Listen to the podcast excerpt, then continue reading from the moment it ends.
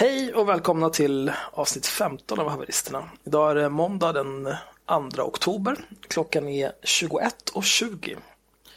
Ehm, jag och Henrik är här. Hej Henrik! Va, hej. Vad, vad är utsatt tid för det här samtalet? Eh, 21.00. Åh oh, jävlar vilken timing hon har! Nu kommer hon! Fan, vilken jävla röta! Vi tänkte att vi skulle spela in som förra gången och shamea dig. Jaha, nej, jag är fan, jag har ju haft, jag jobbade alltså från klockan, Mm, när fan var det du ringde mig Henrik? I morse? Det var typ halv nio någonting. Jag har jobbat från halv nio till klockan åtta när jag gick iväg och köpte mat. Sen så eh, har jag lagat min, Är det därför du heter Sen har jag lagat MacGyver min, på eh, sängkaster? ja! Jag är glad att du frågar. Ah, Jag tycker det är kul att du fortfarande tror att vi lyssnar på dina ursäkter till att du är sen. oj! Här kommer hårda orden. Vet att, jag, vet att, att typ flera av timmarna som jag har arbetat idag har jag lagt på att göra en present åt dig Henrik. Mm, det tycker jag lite. Flera timmar? Varför har du inte lagt flera timmar på att klippa förra avsnittet istället? Därför att, eh, därför att jag tycker bättre om Henrik än om er som kollektiv. Oj. Det betyder ju att du tycker mer om Henrik än om mig eftersom om man räknar ut snittet så då är det ju jag som sänker snittet. Det känns ju sådär. Ja, nej, men det var ju kul. Eh, då ska jag begära en refund från Zencaster då för de här 20 dollarna jag just har!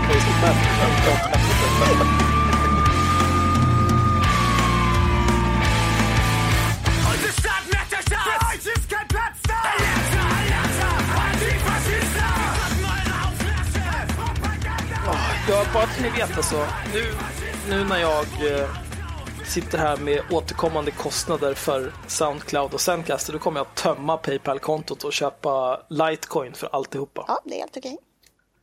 Va, va? Ah. Vad betyder det? Våra, våra Patreon-pengar.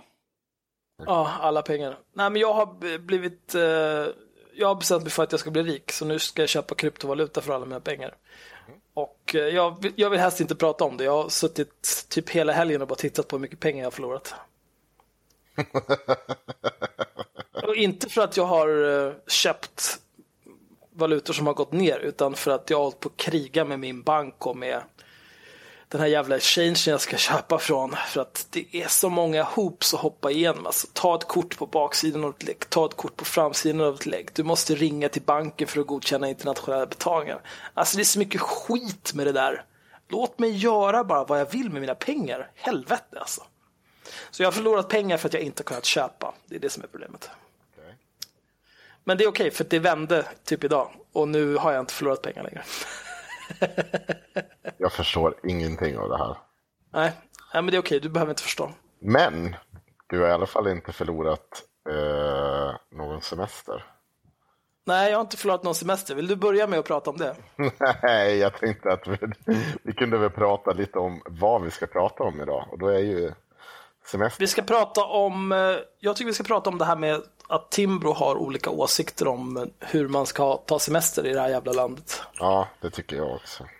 Sen tycker jag vi kan prata om att eh, eh, någon påstår att Beshir Bani stod i fronten av Nej, det är inte ens diverse ett moské- påstående. Han har själv gått ut med det.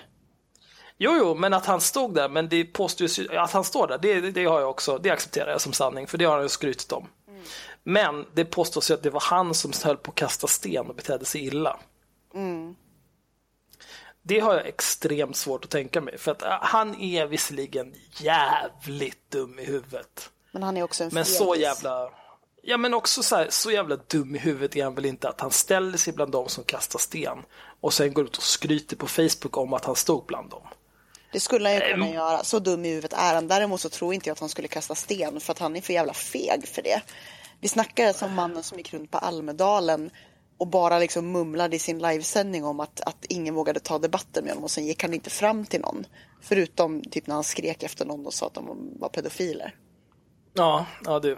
Alltså han är ju inte smart. Han är ju varken Nej. smart eller särskilt konsekvent. Har vi kört Nej. igång samtalsämnen nu? Vad menar du? Nej, jag, jag bara kom av mig lite eftersom någon hade lagt upp om att eh, varför rosa apor Eh, varför apor aldrig bär rosa klänning? Att de, varför eftersöker de oss där i? Var? Va? Jaha, du pratar om... Ja. Alltså jag, jag postar allting i, på Zencaster nu. Du ser väl Ja. chatten där? Mm, posta. Nej, men det, det där var helt orelaterat. Det var någon i Rosa Apor som frågade efter tråden som jag tror, jag kommer inte ihåg vem det var som la upp den. Men det var typ när vi släppte vårt första avsnitt så var det någon som la upp en tråd om det i Rosa Apor och sa att vi snackade skit om dem. Och nu är det någon som vill läsa den. Det var bara det. Okej. Jag kä- Jag, jag känner att de ville ha fatt i någonting. Ja, men vadå, det är väl okej, vi har ju inget att dölja. nej, nej, men man, jag ber, Vi ber borde kanske dölja en del saker, men vi har inte det omdömet. Nej, precis. Det är det som är problemet. Tyvärr nog. Ja, vi kan ju konstatera så här, eller, för jag hörde ju i alla fall vad ni pratade om. Jag tror ju, det här, liksom det Maria Robson säger, eh, eh, det är ju bara, alltså det visar ju bara hur jävla kass hon är på research. Hur, alltså så här, hur selektiv är hon är med information och så vidare. Alltså det, det står så här, högerextremist infiltrerar demonstration och det stämmer ju såklart. Eh, och nu kommer bekräftelse, åtminstone en av de som stod längst fram i gruppen maskerar, eh, maskerade demonstranter utanför Liseberg, nu identifierad. Och han kan inte kallas vänsterextremist eller AFA. Bashir Abani. Och, då, så- och så avslutar hon det här med eh, eh, nu ska vi se. Jo, kan vi ta och skärpa debatten nu? Ge fan i ett jump to conclusion om svarta blocket, AFA, förortskids. Inte ett ord vill jag höra om, eh, eh, om detta utan konkreta belägg. Ja, fast liksom, det, det skulle ju vara lite som att kalla mig nazist för att jag infiltrerade nazister och mena på att det egentligen inte finns så många nazister för att jag var där. Det är ju så jävla tramsigt. Han har ju varit där och filmat, det säger han ju själv. Jo, inte- men hon fortsätter ju den här texten hon skrivit där precis efter det du slutade. Då, så här. Än så länge finns det inga konkreta belägg för vem som har kastat sten och varför. Det vi vet är att Bashir Abani är höger och står i den grupp av maskerade personer när någon lite senare ägnade sig åt att kasta sten. Alltså det är ju ett uppenbart skuldbeläggande av honom. Som är så konstigt med tanke på att hon precis har skrivit varför ska vi hålla på och dra förhastade slutsatser om bla bla bla. Alltså det är ju så jävla efterblivet. Jag, jag, jag tror att det här kommer vara en röd tråd i dagens in, eh, liksom, diskussion om olika inlägg. För det är just det här att sitta och säga en sak och sen göra precis tvärt emot sig själv. Och det är så dumt. Och sen kan jag säga att jag var ju på plats och jag såg ju de här personerna som, eh, eller i alla fall som attackerade en polisbil där. Ja, och det var ju liksom så här, ja men typ svarta blocket folk. Det var ju inget tvek om det. Och de stod ju och var konsekventa i det de höll på med. Det, det var inte så jävla mycket mer orda om det. Det är bara gilla läge. Men det är kanske inte de vi ska fokusera på. När det fanns 10 000 till per, personer som betedde sig som fucking folk på plats. Det, är ju- det är kanske bara Det lite dumt att hålla fokus där. Vi kan säga, vi kan säga så här bara, de är dumma i huvudet. Du var helt, du som, framförallt om du lyssnar på det, du som kastade sönder eh, snutbilens ruta mitt framför mig. Ditt jävla efterblivna härke. Fattar du hur många människor du hade kunnat skada med den där jävla stenen? För det stod folk precis överallt runt omkring det. Hade jag sett att någon fått den där i huvudet och hade inte varit så jävla bajsnödig, då hade jag sprungit efter det och fällt i kunder och gladeligen seta på det till polisen kom. Oj, det var väldigt återhållsamt. Jag trodde vi skulle få att du skulle kuka ur och Nej, bärsärka jag var honom. så jävla bajsnödig vid tillfälle så att det... Ja. Jag kan säga så här att, att 90 procent av IRMs kampanjverksamhet är helt styrt av Henriks eh, Mage. matsmältning. Ja, Ja. okej. Jag trodde Man du menade alltså bajsnödig som PK liksom. Nej, nej. Nej, nej. Alltså Nej, man, nej. man måste alltså planera liksom om, man ska, om, vi ska ha en, om vi ska ha en aktion och så vet man att så här, vi behöver vara nere på, eh, på plats klockan 12. Då måste man se till liksom att, jag vet inte, Jag Henrik måste vara uppe typ klockan nio för att han ska in och gå på toaletten 30 gånger innan man går någonstans. Sen kommer han fortfarande, när man kommer ut så måste man hela tiden hålla koll på var närmsta toalett finns för att Henrik liksom inte ska kuka ur och få panik. Ja, Det det är är bra. Det är Det här är djupt exakt sant. osunt. Nej, men det är IBS. Det är stressmage. Eller stressmage, det är inte så här, det, man brukar kalla det så här varuhusmage eller Ikea-mage. Det finns ju massa människor som inte kan gå in någonstans utan att de behöver gå till toaletten. Det är mycket folk. Det är, jag kan säga att jag eh, bajsar otroligt mycket när jag är ute på olika former av... Alltså om jag lämnar lägenheten längre än tio timmar så bajsar jag förmodligen någonstans. Alltså det är helt bisarrt.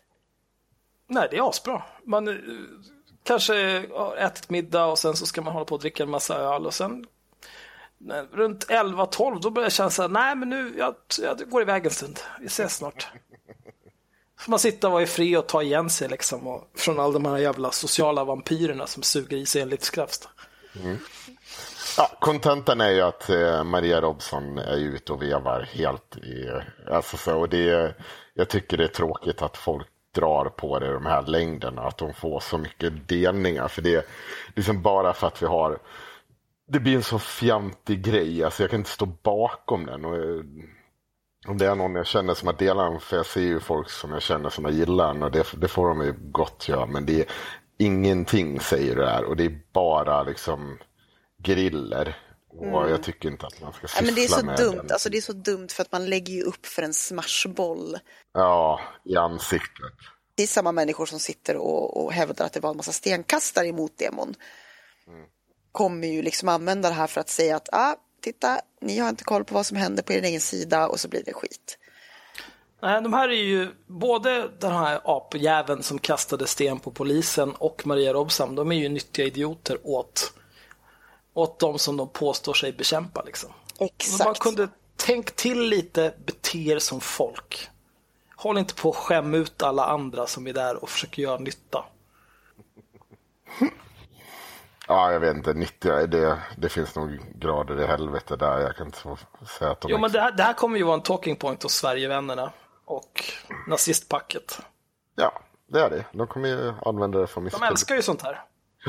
Och, och det är liksom också så här, hur, ah, alltså hur, kan det här vara en tongivande figur? Någon som är så inkonsekvent, som inte kan skriva liksom fyra korta stycken i rad utan att bara slå knut på sig själv och kromosomskada. Det är så jävla sjukt alltså. Ja, nej. Ja. Ja, jag tycker vi går vidare. På tal om andra människor som har slagit knut på sig själv eh, med eh, eventuella skador lite här och där. Eh, Var det vi... där ett hot? Nej, Nej, okej. var inte. Ska vi ta upp eh, Margit Richter, eller hur, hur säger man hennes namn? Margit Richter. Richard. Richert och eh, Rebecca Uvells fight. Alltså är det en fightens? Det är väl mer Uvell har kukat ur och varit dum i huvudet. Och alla andra står bredvid och undrar vad som hände. Undrar varför hon är så galen för. Ja, alltså, Margit har ju inte gjort någonting fel här. Hon, eh, alltså det, hon, det hon gjorde var ju att hon skrev en väldigt bra text där hon bland annat säger att eh, när man sitter och säger att alla som är antirasister är våldsvänster och bara vill kasta sten så är det efterblivet. Det är ju en grej hon säger. Och så säger hon också att högern måste sluta knuffa över allt ansvar för antirasism på vänstern. Och det är också en bra poäng. Det är väl egentligen de två, de två poängerna hon för fram skulle jag vilja säga. Mm, jag, jag, jag säger att det handlar ju liksom, ja, precis. Jag hade väl sagt det på ett annat sätt då. Men då blir jag, får jag väl höra att jag mansplainar. Nej, men du får ju säga hur du tolkat den. Det är Ja, men jag, jag säger, så, så, det är just en, liksom, en käftsmäll åt den högen som sitter just så här och gnäller på antirasism hela tiden. Eh, och säger att liksom, ja, antingen är de, ja precis som du sa, att de är någon slags våldsvänster eller man smutskastar dem hela tiden. Trots att det faktiskt finns goda krafter idag som inte alls distanserar sig från högern utan snarare säger liksom att ni är välkomna att hänga med oss. Eh, men fortfarande sitter de bara och gnäller. Och poängen där gör hon ju också att jag menar, om de här en, mot förmodan inte duger så kan vi, liksom, finns det väl ganska gott om pengar inom svenskt näringsliv, eh, den samlade högen, för att faktiskt göra något eget projekt. Om Expo är så jävla vänster, ja men starta ett eget Expo då. Det är väl inga problem. Eller liksom om inte, ja som hon säger då, att skicka era bästa satiriker till IRM. Och det får de ju mer än gärna göra, för det är inte så att vi inte behöver människor som sitter och skriver skit. Och eftersom vi inte skriver ur ett vänsterperspektiv så hade det inte varit något problem att köra in dem i verksamheten. Jag tror att det enda de måste acceptera, den som kommer och skriver med oss, det är att vi inte kommer liksom sitta tysta om vi säger att Moderaterna öppnar för samtal mot, med SD. Då kommer de också få en del kritik. Vi kommer inte granska dem som rörelse, utan vi kommer ju bara kritisera dem. Men det får man kanske ta om man öppnar upp för sådana diskussioner. Ja, det är väl helt rimligt. Vi, Ja. som sagt, vi granskar, vi granskar ju SD och kretsarna runt SD. Om, om Moderaterna bestämmer sig för att samarbeta med SD så blir ju de en krets runt SD och då kommer vi kanske också kommentera vad de gör. Ehm, men alltså, jag, tycker att, jag tycker att Margits text var väldigt bra därför att jag tycker att den belyser någonting som vi ändå har tagit upp också, liksom att, att det finns utrymme för högern att komma in och faktiskt ta avstånd från eh, för rasism, från rasism till exempel. Och jag tycker att de kan faktiskt göra det. Sen så blev jag lite upprymd därför att som någon som ändå kommer från vänstern själv så har jag ju noterat, vilket ni säkert också har gjort, att vänstern är väldigt bra på att äta sina egna. Eh, vänstern är väldigt bra på att eh, när det liksom, man har meningsskiljaktigheter på sakfrågor så tar man avstånd från varandra ganska högljutt och så vidare eh, och bråkar internt. Medan högern generellt är ganska bra på att se mellan fingrarna på Ehm, se mellan fingrarna med saker som deras politiska meningsfränder gör som de inte håller med om. Ehm, det är därför liksom Alliansen till exempel har ju hållit ihop väldigt bra trots att det finns enormt stora skillnader rent ideologiskt bland de olika partierna. Men de har ändå kunnat samarbeta medan vi har haft eh, det rödgröna, de rödgröna som har haft mycket mer problem att samarbeta. Och det är väl liksom ganska symptomatiskt för du kan ju se samma beteende bland opinionsbildare och så vidare. Och även bland privatpersoner kan jag tycka. Men kontenta med hennes artikel är ju i alla fall en god jävla tion, eh, liksom, portion självrannsakan och självkritik mot den egna rörelsen. Det kan man ju tycka att det borde ju inte röna så stor uppmärksamhet. Men Men då har vi ju... klar med mitt rant Oj, där. Det jag vill säga var att jag var lite, jag är lite, jag tycker att det är skönt att någon börjar ta det. Jag tycker att det är skönt att det blir eh, den här typen av intern kritik inom den, inom den liksom högersfären därför att det behövs, helt klart. Jag tycker de, de flesta som är till höger som har kommenterat på den där. Jag har ju bara tittat på Twitter i och för sig. För jag skulle gärna tittat på Facebook men Margit har blockat mig där. Och jag är ju postblockad ändå så det spelar ingen roll. Men skitsamma. Eh, de flesta jag har sett som har kommenterat på den där på Twitter som är höger. De, de är ju nöjda med texten. Tycker att den är bra liksom. Den, enda som har kukat ur är ju Rebecca Weidmo Uvell. Trots att hon inte är omnämnd i texten. Och eh, Margit Richard har också uttryckligen sagt att den inte handlar om henne. Det är bara att Uvell är helt jävla galen. Ja. ja, jag har sett hur hon har motiverat varför det handlar om henne och det är för att hon är så jävla stor på Twitter, säger hon. Bland annat. Det till sig att så här, bara, ja, det, du, du har ju lite hybris du, alltså, det måste man ju ge det. det är så här. Det är vansinnigt. Ja, men då kommer vi ju till det här som vi pratade om, Maria Robson. Eh, och det är ju vad hon faktiskt har skrivit, eh, Uvell. Och det, jag ska ta upp det så att jag inte säger fel. Och jag tycker ju det här är fantastiskt roligt. Ehm, jag, jag har ignorerat alla dumheter som denna människa har haft ut sig i olika sammanhang de senaste månaderna. Men när Margit Richter, Richert skriver en krönika som attackerar ett inlägg som jag skrivit om våldsvänstern utan att nämna mig, fegt nog, för att hindra replikrätt och jämställa mig med en person som von Pappen räcker det. Han som banade väg för nazisterna i 30-talets Tyskland.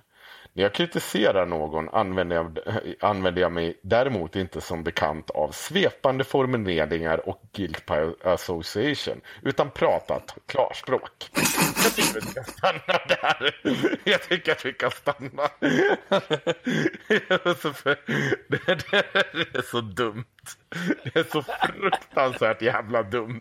Det finns nog inte en människa i världen som hoppe, som sysslar med mer guilt by association och svepande formuleringar och insinuationen än denna människa. Alltså det är fan, någonstans vill jag hävda att det är rent objektivt är så. Alltså, Jag är böjd att hålla med. Jag, jag tror inte jag har läst någonting av Rebecca Weidmo väl som inte bara är alltså samma klass som, som de här jävla konspirationsteorierna man läser från nassekramarna hos Ingrid och Konrad. Eller vaken.se eller något sånt där. Det är liksom den här konstiga follow the money. Jag menar, jag kommer ihåg när hon på att skriva om Mehmet Lappland och det spreds bara. Men vad hade hon liksom listat ut? Ja, han hade mellanlandat i Turkiet och det skulle vara någonting farligt med det. Alltså det var så jävla absurt att sitta och läsa de här sakerna. Och det finns så mycket att kritisera Mehmet Kaplan för. Men det var ju inte hon som bevisade någonting av det. Det är liksom så här, det, det blir bara galenskap hela tiden. Men det är, ju det, det är ju hur den här eh, texten fortskrider som är det intressanta. Fast bara en sak innan. Eh, hon, hon nämner ju där att hon, eftersom hon inte nämns vid namn så har hon ingen Ja. replikrätt. Jag tror att det är Nej. där skon kläpper egentligen. Hon vill väldigt gärna att det ska handla om henne. Så att hon får någon form av ytterligare spridning i någon form av riktig media och inte hennes jävla blogg eller Facebook-sida eller på Twitter. Trots Det att de, tror jag också. två miljarder människor följer ju ändå henne på Twitter så man kan ju tycka att det borde räcka som publik, men tydligen inte. Nej, det, hon, det är hon ju också så jävla inkonsekvent i för det sitter hon ju och skryter med sen hela gårdagskvällen när hon har flippat totalt. För hon gör ju, det här är inte första gången, att hon börjar med att flippa och så skriva så helt vansinniga saker så får hon massor av kritik för det. Eh, igår hade hon ju blockat alla 80 personer som hade retweetat artikeln. Det är så, och det är liksom, men människa, du säger ju själv att du inte är omnämnd. Tror du verkligen att alla fattar? Även om det skulle handla om dig. Du kan inte liksom bara förutsätta att alla de här människorna fattar vad fan du, att det ska vara dig det handlar om. Du, är, du, du, du, du tror ju att du är centrum av universum för fan. Det är bra sätt att ta debatten också. Ja, men Ja. Hon är ju så konstig, det där med hennes blockande hit och dit. Alltså, jag kan ha full respekt för att man som opinionsbildare, alltså jag, jag sysslar inte liksom med det själv på det sättet, men jag kan ha full respekt för att man som opinionsbildare bestämmer sig för att äh, men så jag är inte intresserad av att, att bemöta folks kritik, så jag tänker blocka alla som kommer med kritik. Det är konsekvent liksom. Eh, jag har ju en konsekvent linje i att jag inte blockar folk om de inte är fega trollkonton. Liksom. Eller helt osammanhängande. Så ibland så dyker det upp någon som typ inte går att diskutera med överhuvudtaget för att de typ sitter och svamlar en massa Sverigevänligt trams. Då brukar jag försöka och sen så om de bara fortsätter svamla så brukar jag blocka dem för att jag bara pallar inte liksom. Eh, men, men hon är ju så, hon är så inkonsekvent i sitt blockande för att hon blockar och sen så avblockar hon för att hon ska komma in och säga någonting och sen så när man svarar så blockar hon igen och så håller hon på så här.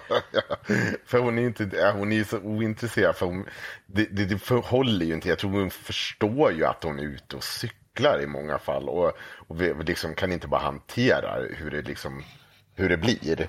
Och så får hon, det får vara som det är helt enkelt. Men jag, jag tror att hon blockar specifikt, alltså hon, hon blockar inte för att hon tycker att det är jobbigt att ta kritiken personligt. Jag tror att hon blockar för att andra inte ska se vad man säger. Liksom. För att hon ska kunna måla upp sin bild av vad som har hänt ostört. Eh, och jag tror att det förklarar också varför hon blockar alla som har delat Margits text. Därför att uppenbarligen så kommer de kanske ha åsikter på att hon sitter och ljuger ihop saker om att hon skulle ha varit omnämnd i den här texten. Hon har inte sagt det men hon pratar ju om att den handlar om henne. Och jag menar de som faktiskt har delat texten kan ju ha läst den och komma in och säga så här, men du, handlar den här verkligen om dig? Och det vill hon ju inte veta av. Nej. Utan hon vill ju bara ha sina stödlikes och sin sympati från de som inte bryr sig om att läsa den utan bara litar blint på hennes beskrivning. Ungefär som den gången när hon eh, hävdar på sin Twitter att jag påstår att jag har, har läst hennes bok på 250 sidor på 10 minuter när jag inte har sagt det. De kollar ju inte om det faktiskt stämmer fast det här var en publik tweet från mig utan de kommer ju bara in och säger varför säger du att du har läst den på 10 minuter? Ehm, vilket ju är efterblivet. Jag menar, jag skulle ju inte säga det. Alltså, då är man ju dum. Då är man ju på riktigt... Ja, det är ju ett helt orimligt påstående. Så det, skulle, det är ju lite grann som när Rebecca påstår att den här Margits text handlar om henne. det är ju ett lika idiotiskt påstående att man har läst en bok på 250 sidor på 10 minuter. Det är ingen som tror på det. Nej. Men eh, ska vi gå tillbaka till vad hon skriver då? Nu har vi ju konstaterat att hon är inte omnämnd i den här texten och eh, hon sysslar inte med guilt by association. Okej. Då fortsätter hon. eh, två veckor efter att jag polisanmält hot från extremvänstern där det uttryckligen skrivit att det ska göra hembesök för att tysta och skrämma mig, borgarfittan. Ett hot som, jag, som både jag och polisen tog på allvar skrev jag ändå en ny granskning av våldstjänsten. Hotet kom för övrigt samma dag som jag la ut del två av min granskning av Expos tillsammanskapet och kom från miljön svansen runt dem. Nu vet inte jag riktigt. Eh, alltså, ja, hon, du kan ha blivit hotad, det säger jag ingenting om. Men Expos tillsammanskapet, småbarnsmammor, gamla gubbar och lite sånt där. Jag säger inte att de inte skulle kunna hota eh, människor, absolut inte. Det har vi ju sett många gånger förut. Men lite konstig rörelse som varför de skulle syssla med Alltså jag tror inte ens de lägger ner energi på det här. De, det är inte så att man ser dem på nätet som typ jag är här. Men det, det är tydligen Expos tillsammanskapet. Så här, man knyter ihop de här två organisationerna som inte längre, sedan ett år tillbaka, inte har med varandra att göra, än en gång. Det är absolut inte guilt by association detta. Mm. Och kommer från miljön Svansen. Och hon beskriver ju inte heller hur hon kan veta det, men, men okej. Okay. Ja, för att granskningen av autonoma är viktigt, lika viktigt som granskning av andra våldsgrupper. Men det högerextrema har en massa resurser redan. Och jag tror att hon menar nu att eh, man har resurser på att granska de högerextrema. Ja, så tolkade jag det också. Ja.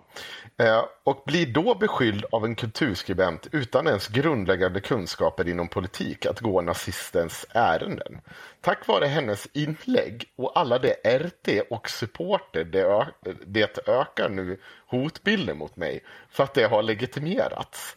Till skillnad från Richter som håller sig borta från Sverige och därigenom inte heller utsätter sig för någon risk alls fysiskt har jag barn Två sex, sexåringar som på grund av mammas jobb och beslut att fortsätta skriva om saker eh, är rätt och viktiga och också utsätts för det hot jag får på grund av mitt jobb. Två sexåringar som nu kommer se fram emot fler hot.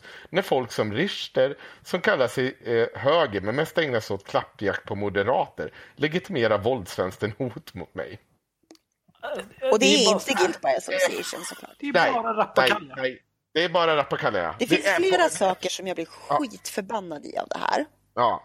Nu har du fått låta ett tag, så nu ja. tänker jag säga vad jag blir förbannad på. Ja. Dels blir jag förbannad på att hon eh, beskyller Margit för att Margit på något sätt skulle ja, vara skyldig till våld, alltså dödshot mot henne. Det är ett. Ja. Två så blir jag förbannad på att hon blandar in sina jävla kids i det här. Det är också det är så jävla äckligt. äckligt. Ja. För hon sitter alltså och säger så här, åh de här sexåringarna kommer att behöva stå ut med massa hot. Men vad fan, de, de vet väl inte, de är sex bast liksom. Det är inte de som blir hotade, du drar ju bara upp dem för sympatipoäng.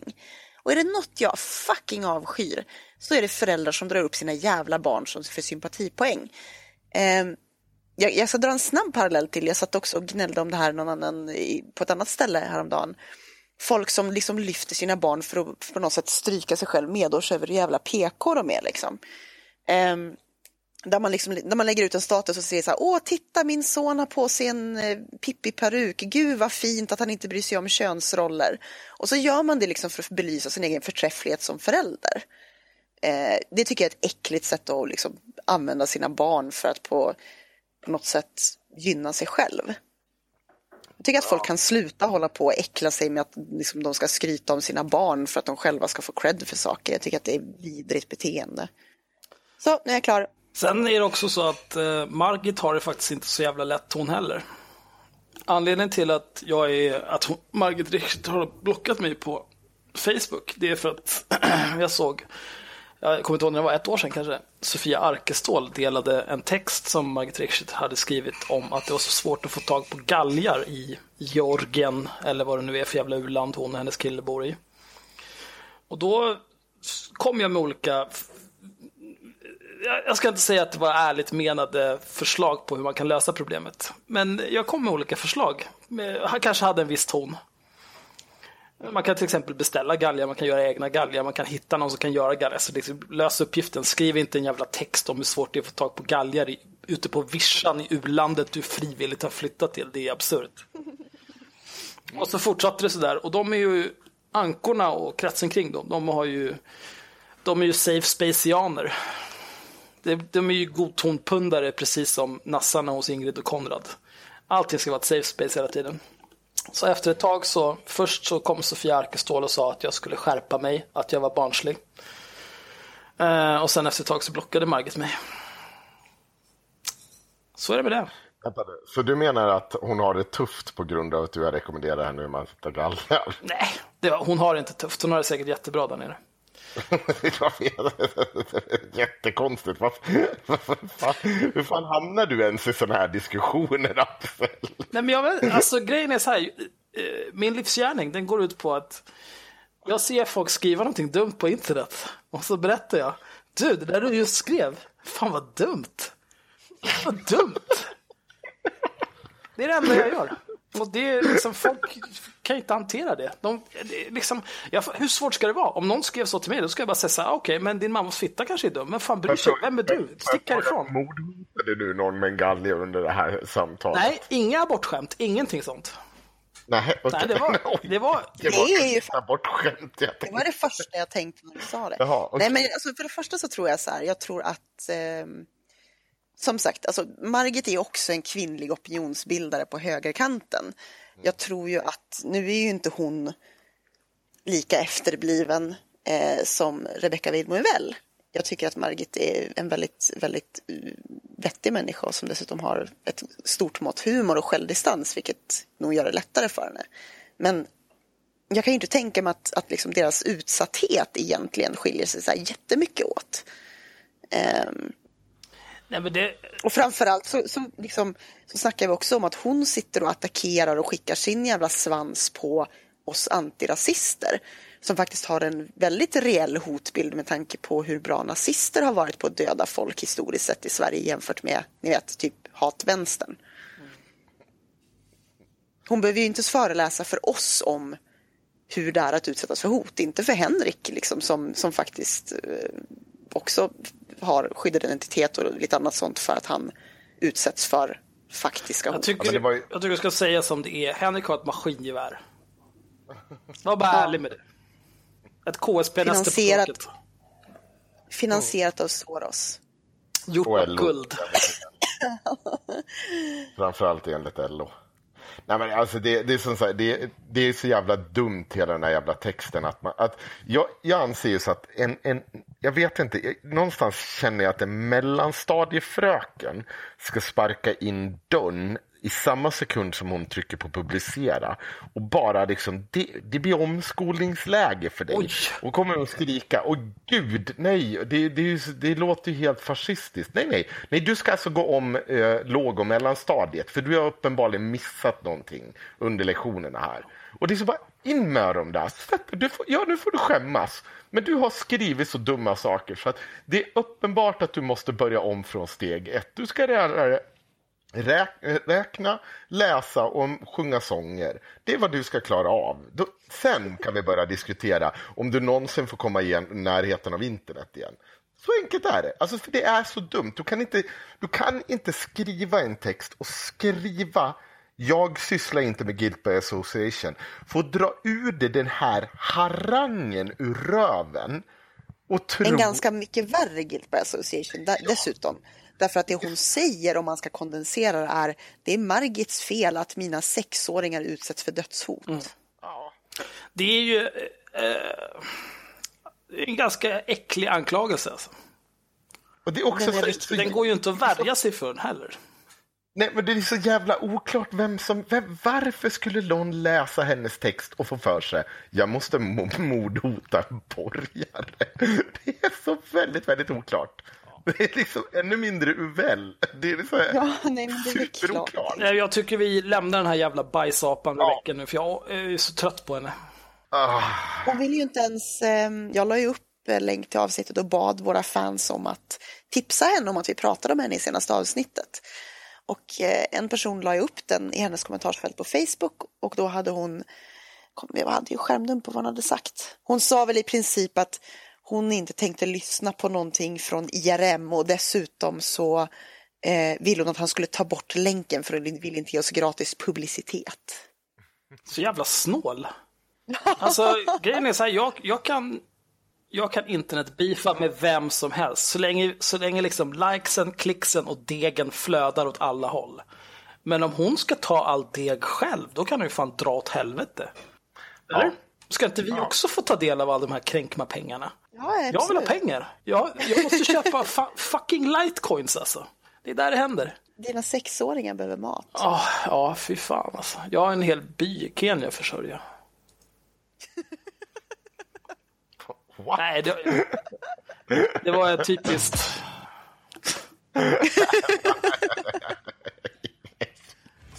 Nu, nu går vi vidare. Nu går vi vidare.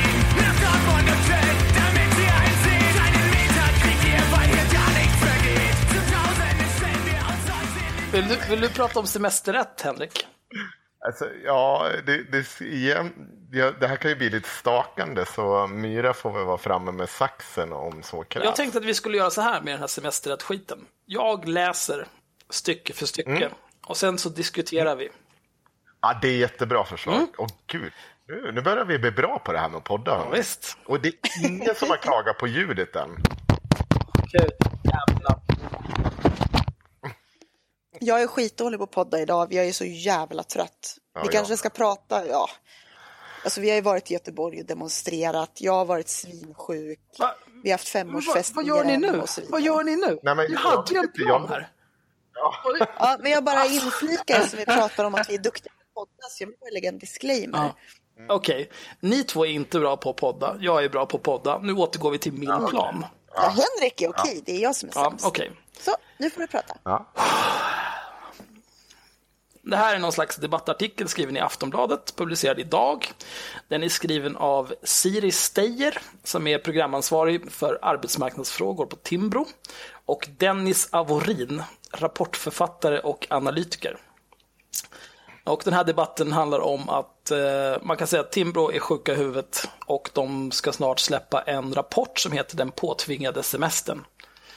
Eh, och den börjar så här. Jag ska bara ha med en liten snus. Jag, jag kommer bara läsa en mening här nu, för redan här. Semester ska inte vara påtvingad av staten. Redan där tycker jag att det här är bara skit. Kan vi göra en snabb omröstning? Hur många i den här konversationen har någonsin hört någon säga Åh nej, nu måste jag gå på semester?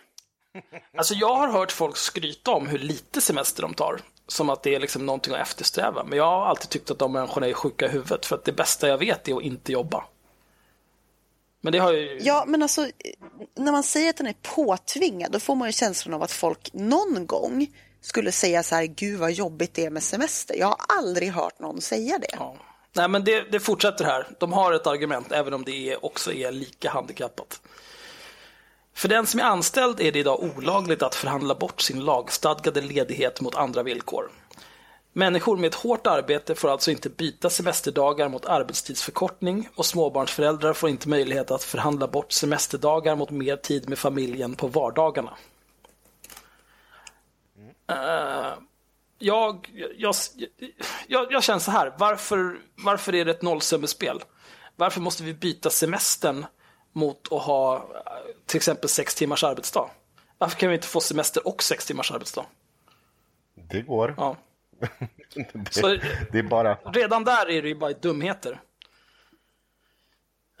Och sen också, ja, nu har det, det har väl blivit något fel med formateringen här på Aftonbladet, men här skulle de varit med. 20-åringen som försöker spara pengar för att resa får inte förhandla bort semestern mot högre lön.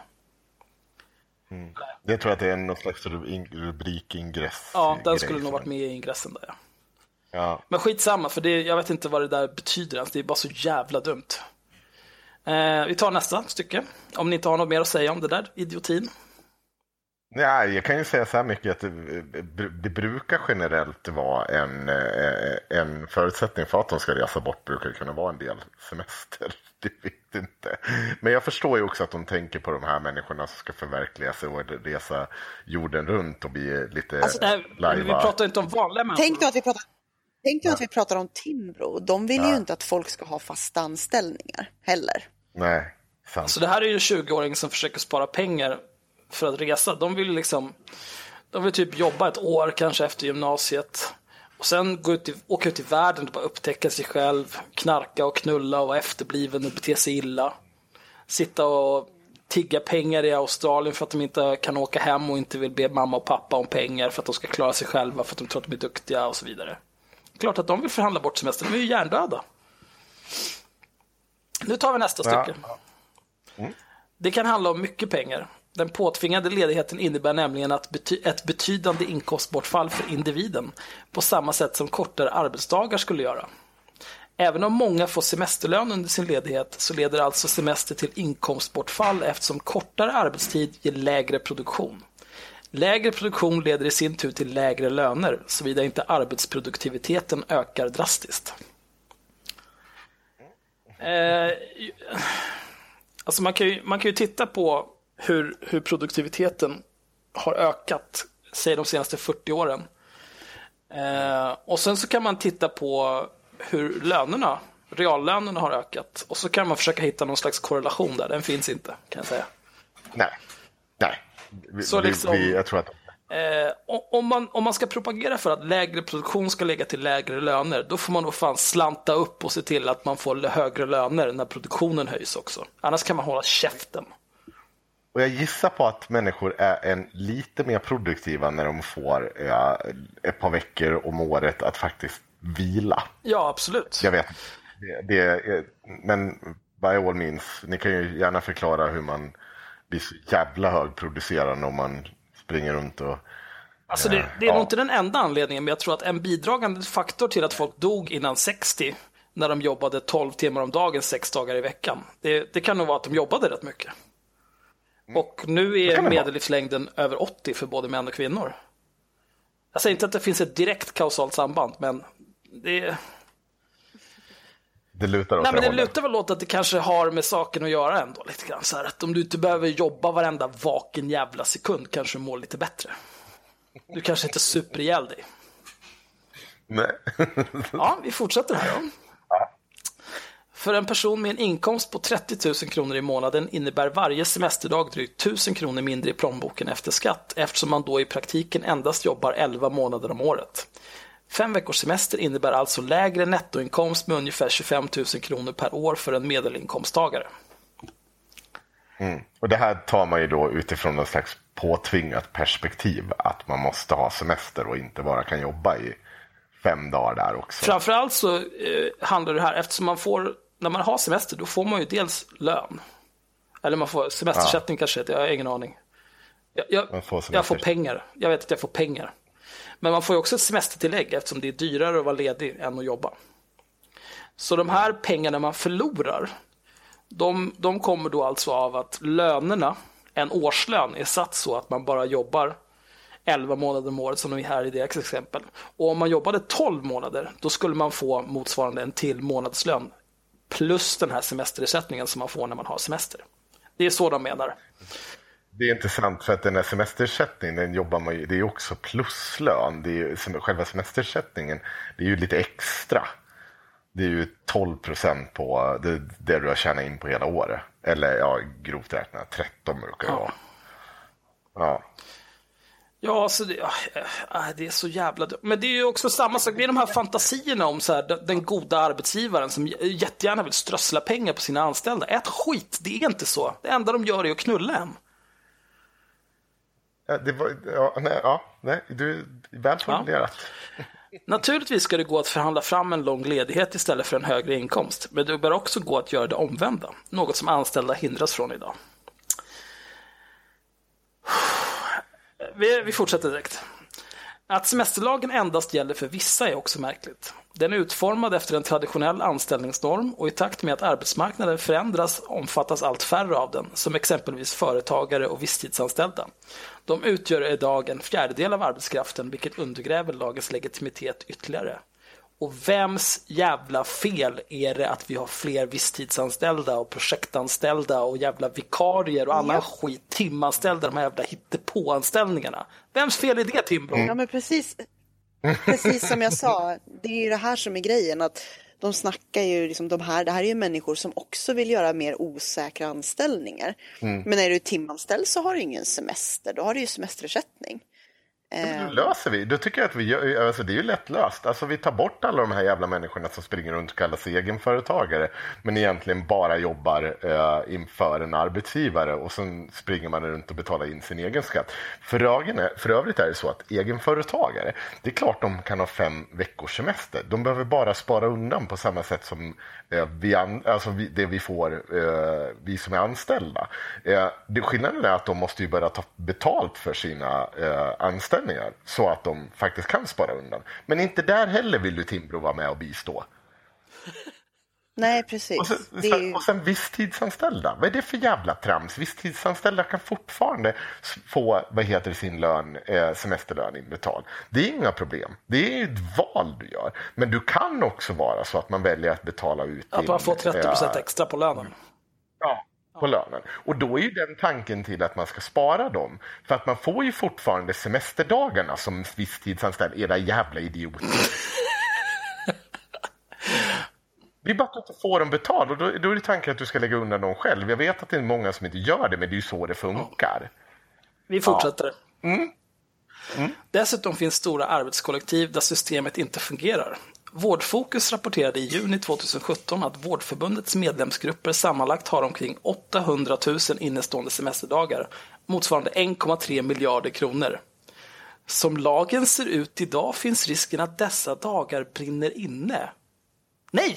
Nej. Nej! Nej, nej, Nej. nej, nej, nej, inte alls. De, det ska de inte. De ska tas ut. De får inte brinna Nej, inne. och om man inte tar ut dem i dagar så får man väl ut dem i pengar? Nej, du, de ska, du, du ska förläggas ut. Du, du, blir tv, du blir tvungen att lägga ut dem till slut. Det är vad lagen Jaså? säger. Jag tror man kunde ta det i det bara. så är det. De, kan- de kan inte brinna inne. Det är bara Och det är ju också den typen av krav på arbetsgivare som Timbro generellt vill göra sig av med. Ja, och så, och så ska man också komma ihåg så här, det, varför, vad är orsaken då? Jo, det är för att det inte finns några att ta sig... Alltså de kan ju inte ta ut sin semester, det är ju det som är problemet. Det är ju inte så att de här människorna inte vill ta ut sin semester. Vad är det för jävla hårshit? Det är ju för att man inte kan ta ut sin semester, för att man inte fixar ersätta åt dem. Företagen sköter inte sitt jävla jobb. Nej. Så det är Timbros fel igen. Ja, bra. Då går vi vidare.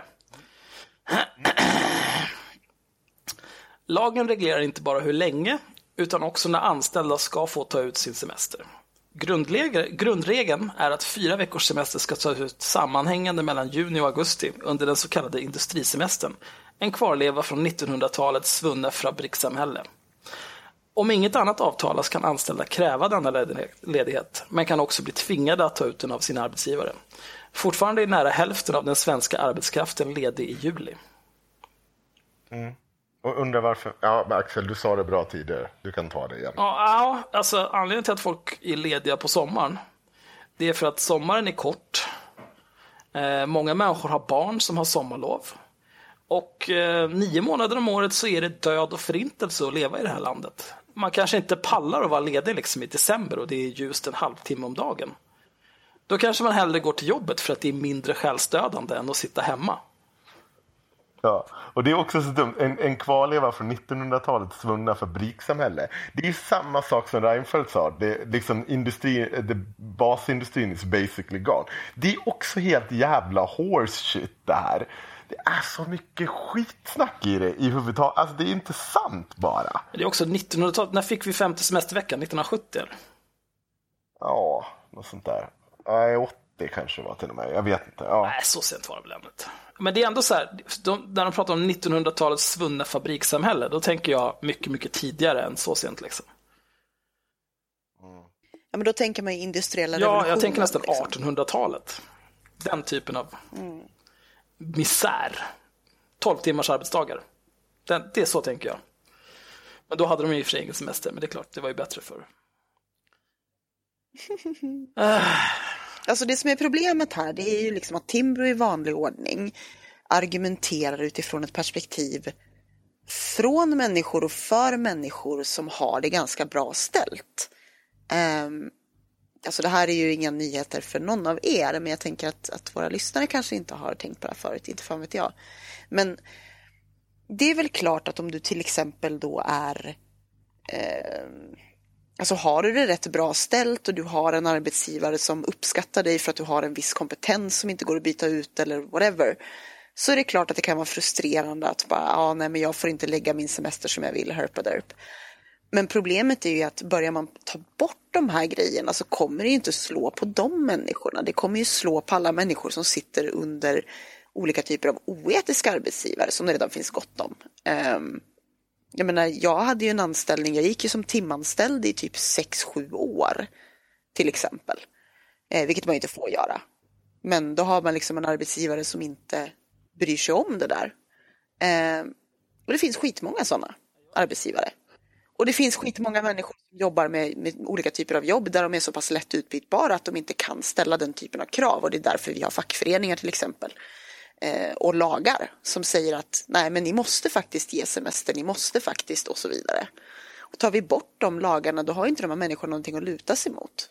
Då är de helt tandlösa inför att bli utnyttjade av arbets, eh, arbetsköpare. Ja. För jag jobbade med typ kundtjänst 12-13 år sedan. Då var jag timanställd i ett och ett halvt år tror jag. Men jag jobbade vissa gånger mer än heltid, men oftast heltid. Mm. Då, ja, det var ju samma sak där. Då sa, sa, jag så här, kan jag få, ponera att jag får ett, typ ett vikariat på 20 timmar i, i veckan eller någonting. Nej, nej. Eller 20 timmar i månaden.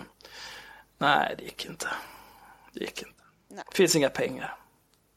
Men det var... Det, det, är. Det är den typen av anställningar som de här visstidsanställningarna, som är nu är en fjärdedel av arbetskraften som de tjatar om. Det är ju den typen av anställning. Det finns ingen anställningstrygghet.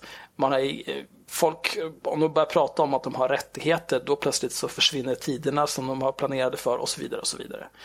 Det är liksom eh, det, det är en sån fantasi att tro det här att ja, nej, men om vi bara avreglerar allting och låter arbetsgivarna göra som de vill, då kommer marknaden styra, alla kommer bli så jävla lyckliga och bajsa guldtackor dagarna ända. Det kommer inte bli så.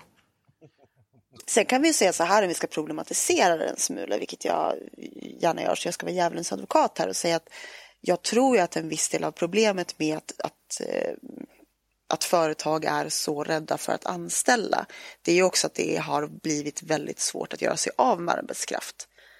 För det är faktiskt... What? Ja. Det är väl ganska enkelt. What? Det är jätteenkelt. Inte om du har anställt någon. Är hur enkelt som helst. Varför tror du du kan vara fastanställd? Vi kan sparka dig basically när Ja, för arbetsbrist ja.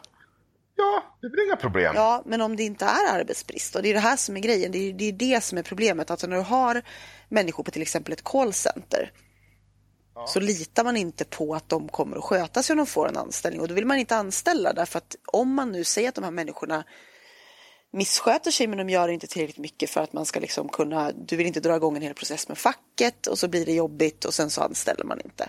Det, ja, det är det som är anledningen till att de inte anställer. Man kan ju också testa och se att eh, se till att de här människorna, om de gör fel, att man dokumenterar det väl och sen avskedar dem på rätt sätt. Det är inte så jävla svårt. Alltså, alltså det, är det, inte det, det, är inte det jag har hört av sådana jag känner som faktiskt Nej, har företag.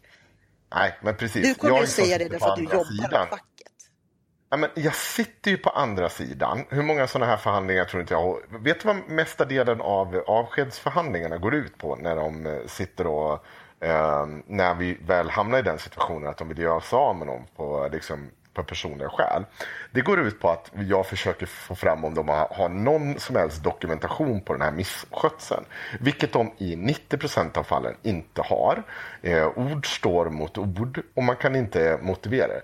Men bara för att det är så, så det, om det har skurits ordentligt på en arbetsplats brukar man lösa det ändå för att människor kanske inte vill stanna kvar. Man gör en uppgörelse, de här får gå vidare och, och så är det bra ändå. Alltså, problemet är inte att det inte är svårt, alltså, det är inte svårt att säga upp. Däremot finns det vissa grunder det kan vara svårt att säga upp på. Ja, och framförallt det vanligaste är just det att dokumenterar ingen av, ingenting om den här misskötseln. Du påstår att det finns någon Eh, att man har sagt till vid något tillfälle om en sak och sen har man lackat ur så ballar det ur. Det, det är liksom sällan, alltså de gångerna när man har liksom fog för sin sak, då åker ju personen direkt. Så arbetsgivarna borde bli bättre på att dokumentera påstådda missförhållanden. Ja, det är alltså, på riktigt så jag sitter och säger till dem. Alltså, det är inte en, det är, det är samma sak, som, de tror att en varning då, då, är det samma sak som att du åker ut när du kommer till tredje varningen. Men det är ju liksom lite dumt om du kommer och säger att han har inte diskat sin mugg den ena dagen. Den andra dagen har han eh, misslyckats och eh, städa korrekt enligt anvisningar. Och tredje dagen så eh, har han eh, han eller hon missat att plocka tillbaka grejerna. Det är inte fog för uppsägning. Men det finns ganska mycket grejer det finns fog för uppsägning för. Eh, och och misskött. Vi kan väl göra så här att Men, eh, okay. om Timbro är intresserade och näringslivet överlag är intresserade av att lära sig mer om hur man blir av med folk på arbetsplatsen så kan Henrik komma och hålla en föreläsning för 100 000 plus moms. ja, det kan jag. Och jag vill ha fem veckors semester. Ska vi gå vidare? Mm. Du, vi har väl fortfarande kvar den här texten? Ja, vi har två stycken kvar här. Villkor på arbetsmarknaden bör alltid förhandlas fram mellan parterna de berör och inte beslutas av politiker. Detta brukar även, om än mycket godtyckligt, framhållas av vänsterpartierna och fackförbunden, exempelvis i fråga om löner. Varför ska just villkor för ledighet regleras genom lagstiftning?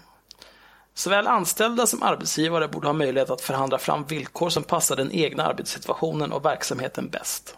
Dessvärre regleras semestern inte bara i svensk lagstiftning utan även i EUs arbetstidsdirektiv och ILOs semesterkonvention. Mm. Uh... Nu är ju det så, man, man kan tillägga det, för det första så finns det ju ett eh, ganska stort utrymme här. Man har ju en förlagd semester där man har rätt till semester och det är under tre månader. Jag tycker det är ganska okej okay spelutrymme på ett år. Där har man väl varit lite flexibel. Och ja, just det, det ligger under sommaren för att resten av året suger det här landet. Men sen är det ju också så att man kan ge upp med sina arbetsgivare om man tar semestern senare. Om man till exempel ska åka till Thailand som folk brukar göra i Sverige. Och det är ganska många som reser till Thailand så det måste vara ganska många som lyckas ta ut den här jävla semestern ändå så senare på året. Så ja. Ja, ja jag, jag tycker att det är superkonstigt alltihopa det här. Nu är ja, det sista, sista, sista stycket. För det, Herregud. Vi anser därför att Sverige som ett första steg bör stryka paragraf 12 som föreskriver sammanhängande semester under sommaren samt anpassa lagstiftningen till EUs minimum om fyra veckor. Vi mm. Och där vill tar sista, sista, sen kan vi prata om det här med fyra veckor. På sikt måste såväl nationell som överstatlig reglering om semestervillkor avskaffas. Önskemål om ledighet är högst individuella och kan variera med ålder, livssituation, kultur och värderingar. Semester är därför ingenting politiker varken i Bryssel eller riksdagen ska besluta om. Nej, men näringslivet ska besluta om det då, eller? Apor. ja men först är det, det är liksom så här, hela tiden det här individperspektivet och det är så synd om dig om du ska tvingas ta ut fem veckor under sommaren. Sen bara, ja men vi vill ta av det en vecka semester, det kanske ja. vi, vi tar det. Vi anpassar lagstiftningen till minimum om fyra veckor. Ja. Så egentligen handlar det om att de vill, de vill minska semestern med 20 procent. Ja, för problemet är ju att de, de påstår ju någonstans att du, du ska ju liksom inte du ska ju ha semester men du ska kanske inte nödvändigtvis ta ut den under sommaren. Ja, men sen tar ni av. Det är ju ert förslag vi förlorar på. Det är ert, ni använder ju retoriken om att vi förlorade pengar på det här. Men när ni väl kommer till ert förslag, då ska vi förlora pengar på riktigt. Ja, här krävs här. ju då, dels att då måste man ju få ja. pengar. En, en veckas, inte bara semesterersättningen och semesterlönen. Utan man måste ju få en veckas riktig lön också för den här förlorade veckans semester. För det är ju produktivitet då som men man bidrar med till företaget. Då ska man ju ha pengar. Eh, och sen, överlag kan jag tycka så här, all, allt prat om att öka arbetstid, det är inte 2017, då får de fan växa upp. Det går inte, vi, vi måste gå mot att jobba mindre för det här är, det är fan olidligt att jobba. Uh, automatisera allt. Och sen, Jag tycker, det, jag tycker att det är så konstigt argument också när man, när man liksom kan visa ganska tydligt på att folk idag redan jobbar alldeles för mycket. Att man jobbar alldeles för mycket övertid. Eh, man jobbar liksom för långa dagar. Man jobbar, alltså du, du vet allt det där som man använder som argument för att typ dra ner till sex timmars arbetstid. Alltså att vi åstadkommer liksom, vi jobbar mycket mer på samma tid än vad vi gjorde tidigare. Det är också tack vare digitaliseringen av samhället. Så jobbar man ju, eller alla gör ju inte det, men många människor, särskilt om man jobbar på kontor och sånt där, jobbar ju hela tiden. Alltså folk sitter och tittar på sin mobil, kollar mejlen. Jag ser ju det hela, hela, hela tiden. Jag, får, jag mejlar någon under dagen och sen ser jag att de har svarat liksom 7, 8, 9, 12 på natten. Vad, vad gör du? Varför, varför tittar du på jobbmejlen? Nu är du galen.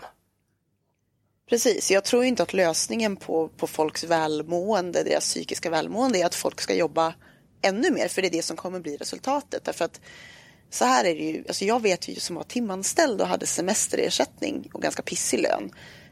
Um, liksom, det är klart att om jag får valet att bara vill du ta semester eller jobba. Eftersom vi lever i ett samhälle där man hela tiden tänker att ja, men jag måste ha lite mer pengar så kommer man oftast att säga så här, men då jobbar jag istället för jag behöver nog inte vara ledig. Och så gör man så i ett par år och sen så kollapsar man typ för att man aldrig tar ut Det är semester. skitsamma för arbetsgivaren. Då är det så här, det är väl två veckor som schemat är satt, men sen kan du dra åt helvete. Och så tar de in någon ny. Och jag menar, jag tror att det det är det som skulle bli resultatet av en sån här ändring också. Det skulle vara att folk skulle låta bli att ta ut semester för att man kommer alltid ha lite dåligt samvete och tänka så här, ja ah, men det vore ju nice att dra ihop lite mer pengar istället. Jag behöver nog inte vara Det är ledig. också, Och så går folk in i väggen och sen så kostar det samhället en massa mer. På ja, och de här som nämns med vård, eh, Vårdförbundets medlemsgrupper som har 800 000 innestående semesterdagar. Om det vore så att man inte var tvungen att ta ut semesterdagarna, du tror inte att de arbetsgivarna skulle gilta sin personal till så här, men du vet, du, kan du inte jobba, kör på tre veckor till bara, du, du har så mycket att göra nu, alla andra är så stressade, så ska du lämna dina kollegor och sticka så här, Ja, nej, jag får väl jobba på här då, mina 16 timmars pass, det är kul. Hehe. Ja, och, och går man till den här länken som de hänvisar till just med de där 800 000 så är det ju precis så som vi sa. Det handlar om att man inte får ihop personalen. Det, och det är ju arbetsgivarens jävla sak att ta ansvar. Inte de, alltså de får ju bonus för att de inte tar ut semesterdagarna. De får ju massa extra jävla pengar för det. Och det är ju inte bra att det blir så här. Tanken är ju att vi ska ta ut semester. Att det ska finnas människor, andra människor som kanske går in och sommarjobbar. Som tar sitt första jobb på det sättet. Att de kommer in på arbetsmarknaden. Och kanske så, ja, byter ut den lite äldre generationen. Men de, de tänker väl att vi alla ska jobba tills vi står och med ena Ja, foten men i graven. man innan 60 då belastar man ju inte samhället så mycket sen med pensioner och så vidare. Eller? Det är ju superbra. Nej. Ja, Det det- var ju, alltså den första pensionen, då, var det ju, då fick man ju pension från 60 års ålder. Och medellivslängden Mm. var 60 år. Bra! Medellivs, medellivslängden var, jag tror att eh, när man införde så medellivslängden var 60, jag tror att det var, det var strax över 60 ehm, för, för män och några år till för kvinnor. Så det var inte särskilt många år som man tog ut pension. Det där kommer ju att vara ett problem, eller det är ju redan ett problem, men det kommer bli ett ännu större problem. I och med att nu så tycker folk att de ska få ta ut pension i liksom 15 år istället för 3. Eh, och det säger sig Ja, självt att det är inte ja, det, det är ju ett problem.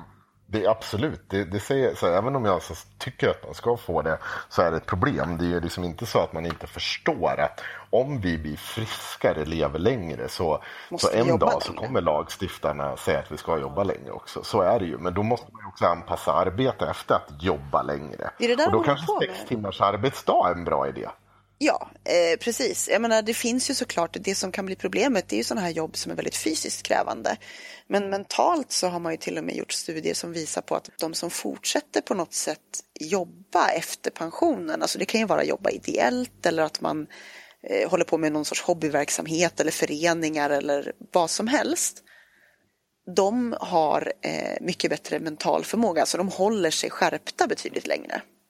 Men hörni, den viktiga frågan här är väl hur hade ni förkortat dagen? Hade ni tagit två timmars sovmorgon på morgonen? Eller gått hem två timmar tidigare? Jag hade gått, Sommar. jag hade gått hemifrån Sommar. tidigare. Eller gått från jobbet tidigare. Ja, det Nej, alltså, det jag, det finns inget jag avskyr mer än att gå upp på morgonen. Men eh, på mitt jobb så har vi sommartid. Så eh, juni, juli, augusti så jobbar vi eh, 10 till 16 istället för 10 till 17. Och jag märkte under de månaderna att, att bara gå en timme tidigare från jobbet, alltså man hinner så otroligt mycket mer. Och så man känner sig så mycket mindre fångad i, i arbetslinjen.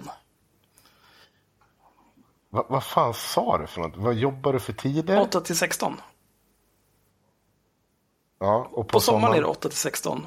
Annars är det 8 till 17. Ja. Går ni ner en Ja, timme? jobbar en timme kortare. Semestertid, eller sommartid heter det. Vad- det. Varför har du... Varför har... Vad är det för jävla... Jobbar du sju timmar? Det här är helt sjukt. Ja, Varför är det sjukt? Varför... Jag. Ja. ja, det lät inte dumt. Nej, det är jättebra. Ja. ja. Kul för det. Ja, tack. Vad fan gnäller du över? Men för att, Bara jobba en timme till. Han vill inte jobba alls. är jag miljardär eller? Jag måste ju fortfarande gå till jobbet, eller hur? Ja, jo. Och återigen för att förtydliga. Jag, jag tycker att mitt jobb är det bästa jobb jag har haft. Men det är fortfarande ett jobb. Jag måste vara någonstans tidigt på morgonen. Jag måste trängas med apor i kollektivtrafiken. Det är katastrof alltså. Idag, alltså, jag kommer upp vid T-centralen från Blå, alltså folk är så jävla tappade. Kommer upp för trappan och då liksom gått i rulltrappan, då står folk stilla. På både hö- till både höger och vänster i rulltrappan så står folk stilla. Och står du till vänster, då går du. Du går upp. Så precis när jag kommer upp för rulltrappan, då är det två, de känner varandra eller någonting, och ska säga hej då. Då tvärnitar de liksom så här ett steg bort från där alla går av rulltrappan. Och då ska de stå där. Vilket praktiskt ställe att stå på era jävla idioter. Vad flytta på er så man kommer förbi och fram. Ni är helt efterblivna. Kan ju inte bara tvärnita. Alltså, för, åh, såna vidriga jävla narcissister. Åh, så där är det ju hela tiden. Det går liksom inte en sekund i kollektivtrafiken utan att jag inte funderar på att dra någon med mig ner på spåret. Bara för att liksom veta att nu, jag ska förstöra din dag också. Och alla som är här, alla som kommer. Förseningar ska ni ha. Ja, det är så jävla vidrigt. Fy fan. Imorgon börjar det igen, så jag pallar inte. Oh. Ja, det är bara fyra resor med kollektiv, eller åtta resor med kollektivtrafik, sen är det helgen. Kör. Antifascister, alerta, alerta. Antifascister, alerta, alerta. Antifascister, alerta, alerta. Antifascister, alerta, alerta. Vet vet du vad jag gör på, vet du vad jag gör på fredag? Nej, Åker till Grekland. ja, kul för dig. Lever life. Vi ska inte spela in podd då på söndag, antar jag? Jag tycker att vi kan spela in podd utan Henrik. Och Det tycker jag. bara Jag tycker faktiskt också det. Du vet det här John Cage, eh, John Cage-verket, vad det nu heter, som bara är tystnad i typ fem minuter. John Cage? Jag vet inte vem det är. Det är så jag tänker att vi ska. Vi ska göra ett poddavsnitt som bara är typ en timmes tystnad och så ska det heta Haveristerna utan Henrik. Fy fan. Det känns lite Warholigt. Han gjorde ju en film nu, en snubbe som sover i åtta timmar. Ja, men precis. Oh, alltså sånt där jävla avantgardistiskt, pretentiöst jävla skit. Alltså, sånt där vill jag bara kasta ut i rymden. 4.33 heter den. Eh, 4 minutes 33 seconds. Av tystnad. Det är en komposition av den amerikanska kompositören John Cage eh, från 52. Det är inte Eh, och, komposition. ja, det är, bara, det är alltså att hela, hela ensemblen bara sitter tyst i 4 minuter och 33 sekunder. Så jag, jag blir omåttligt provocerad när jag hör det här. Den här, den här består alltså av ljuden i miljön där lyssnarna finns. Åh, Gud. när en framför. Det är så pretentiöst. det är superpretentiöst. Någon har fått betalt för det här. Det är ju det som ska provocera folk mest. Men det, Han har ju faktiskt komposerat, alltså han har ju, heter det, komposerat? Ja. Ja, han har ju komposerat andra faktiska musikstycken också. Han är en duktig kompositör. Men, Men det här är liksom en del i... Eh, En del är en provokation mot mänskligheten. jag tycker att det är roligt. Nej, det fan vad vidrigt alltså. Vi, tänk, vi, det är det vi ska börja göra. Vi ska börja göra en podd som bara är tystnad. 40 minuters total tystnad. Typ någon som snyter sig ibland eller någonting. Och sen marknadsför vi det som avantgardistisk konst. Och som någon sorts kritik mot det ytliga poddsamhället. Och sen så cashar vi in miljarderna. Vi skulle i och för sig nästa söndag istället eh, kunna, jag har pratat med några av eh, våra lyssnare eftersom jag, jag, gillar, jag gillar att nätverka. Eh, jag har lovat att dela med mig av några recept eftersom jag är en gud bland insekter i köket. Eh, så vi skulle kunna laga mat. Så kan du livestreama om din fattiga dator klarar av det. Kan du få låna min riktiga webbkamera som fungerar. Ja, men gör, gör ett specialavsnitt då. Ja, men vi kan göra något annat. Vi kan göra så här mellanspelsaktigt som vi gjorde förut. Ja. Och bara lägga upp till våra patrons kanske. För att straffa alla som är snåla och inte vill bidra till mitt kryptovalutemissbruk. Mm. Jag tycker det låter som en bra idé. Jag uppmuntrar allt det jag inte behöver göra saker med Henrik för en gångs skull. Ja, nu, nu har vi ju knappt pratat någonting om 30 september. Alltså jag vet inte om vi ska säga så mycket. Men är det något särskilt ni vill ta upp från det där? Jag, eh, jag, min, jag har inte följt det där supernoga. Jag såg bara att, eh, eller jag har ju följt det från liksom Ingrid och Konrads Discord. Eh, och föga förvånande så de tycker att det var en stor, en stor succé.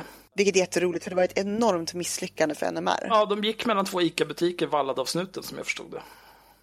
Som de, ja, eh, som djur. Det som jag tror var Orenius, Niklas Orenius skrev en jättebra text eh, om hela grejen.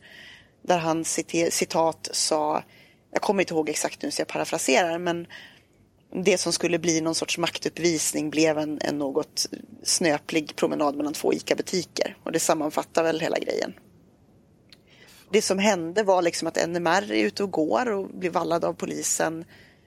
De släpps iväg lite sent och de är irriterade och sen är det någon som skriker ta vänster när deras färdväg går rakt fram och så börjar, börjar de gå vänster och polisen säger nej. och sen var det inte så mycket mer än så. Jag såg i och för sig ett, en, en jävligt fin video. Det var typ Göteborgs-Posten tror jag det var. Det var någon som filmar när eh, Per Öberg, deras eh, lönnfeta Ja. ögonkucku, när han blir tillrättavisad av en polis. Han står och Han grinar är om... presstalesman. Han är presstalesman. Ja, han står och grinar om att det står folk och filmar dem och det får de inte göra om inte NMR har pressackrediterat dem. Och polisen säger så här, ja fast nu, nu är det ju vi som bestämmer vilka som får vara. Och så ska han tjafsa emot, nej det är det inte, bli, bli, bli, bli. Jo, fast det är det. Och då, så, så, jag kommer inte ihåg vad han säger, man säger nä- nästa gång ska vi inte söka, söka, vad är det då han säger? Nej. Nej, då, nej, då säger han så här, då, då, är vi, då, är inte vi, då är vi oense om vem som då- bestämmer. ja, Då har vi olika Och då, säger, och då, då har vi olika åsikter. Ja. Och sen så säger polisen så här, ja, det Vad ska du göra får åt väl det ha sånt där. Ja, vad ska jag Ja. göra åt det? Då säger han, det får ni se. Ja, och tar på sig sina handskar och går iväg. Ja. och börjar, att han, han är på väg in i någon, det är nästan bra att han var på väg därifrån tror jag för honom. För att han jag såg att han var på väg in i någon form av juderant. För det var ju liksom, vad får du betalt för det här då? Ja, Fortsätt precis. ta dina mutor. Det är ju Niklas Orenius han är förbannad på då förut. Niklas Orenius står ju precis bakom honom. Varför är de arga på Eh. honom för? Men han, han jobbar ju åt judemedia. Ja, just det. Han är Wolodarski. ju DN-skribent. Mm. Wolodarski var väl någon slags förrädare, eller vad folkförrädare? Vad stod det på deras plakat?